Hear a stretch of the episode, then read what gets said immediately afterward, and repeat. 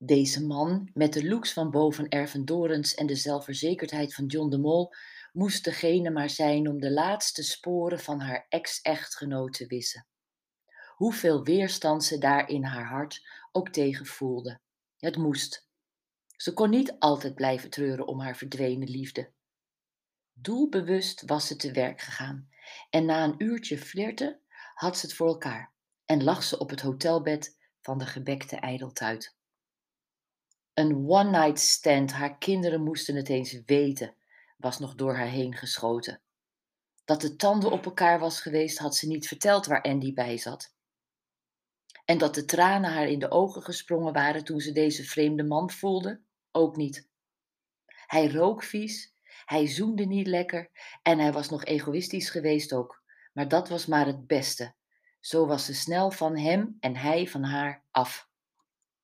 Terug in haar eigen hotelkamer was ze snel onder de douche gestapt en had net zo lang onder de waterstraal gestaan tot ze zijn weeige geur niet meer inademde. De enige woorden die maar door haar verdrietige hoofd spookten waren: Daar ga je, Robert, daar ga je. Bren, hallo.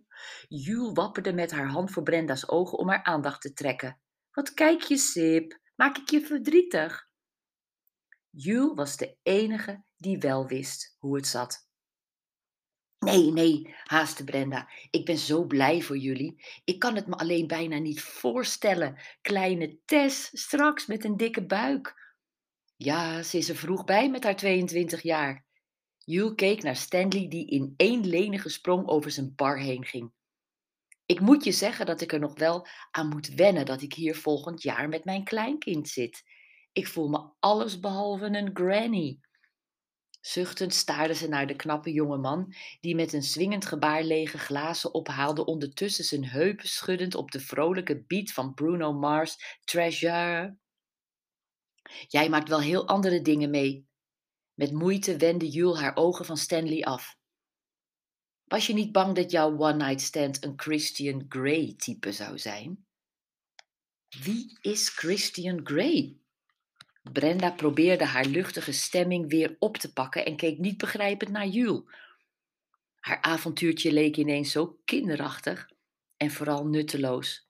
Want Robert was natuurlijk niet uit haar gedachten gegaan en al helemaal niet uit haar hart. Ze miste hem gewoon. Maar wie wilde dat verhaal nog horen dan dat ze zo lelijk door hem in de steek was gelaten? Iedereen in haar omgeving vond Robert ronduit een lul en niemand had ooit meer iets van hem vernomen. Nu, bijna anderhalf jaar later, waren haar moeder, zus en het handjevol vrienden dat haar zo opgevangen had na de eerste schok al lang weer overgegaan tot de orde van de dag. En was Brenda nog steeds bezig met overleven, al liet ze dat aan bijna niemand zien. Heb jij als relatiedeskundige 50 tinten grijs niet gelezen? Oh, die Christian. Nee, jij wel dan? Ja, alle drie de boeken. Ik moet je zeggen, het heeft bepaalde delen van mij die behoorlijk ingeslapen waren weer doen ontwaken hoor. En die heeft er ook al veel plezier van gehad en ik zweer je, de geur van seks is de beste parfum die je kunt dragen. Ik heb ineens hordes mannen aan mijn kont hangen. Granny seks of niet? Ze lachte zo hard dat mensen op het terras geamuseerd opkeken. O Jules, wat ben je toch een heerlijk mens. Brenda zuchtte dankbaar. Ik kan met niemand zo blauw liggen als met jou. Ze herinnerde zich Jules trillende stemmetje gisteravond door de telefoon en legde een hand op Jules arm, plotseling serieus. Je bent niet alleen maar blij om Tess, hè? vroeg ze zacht. Jules' schouders zakten. Nee, ook verdrietig. Ik mis mama. Brenda kneep in Jules' arm. Ze wist het. Jules' moeder was veel te vroeg overleden. En gevoelsmens als Jules was, miste ze haar moeder nog elke dag, al was haar dood inmiddels al jaren geleden. En ik heb moeite met het ouder worden. Ook dat begreep Brenda.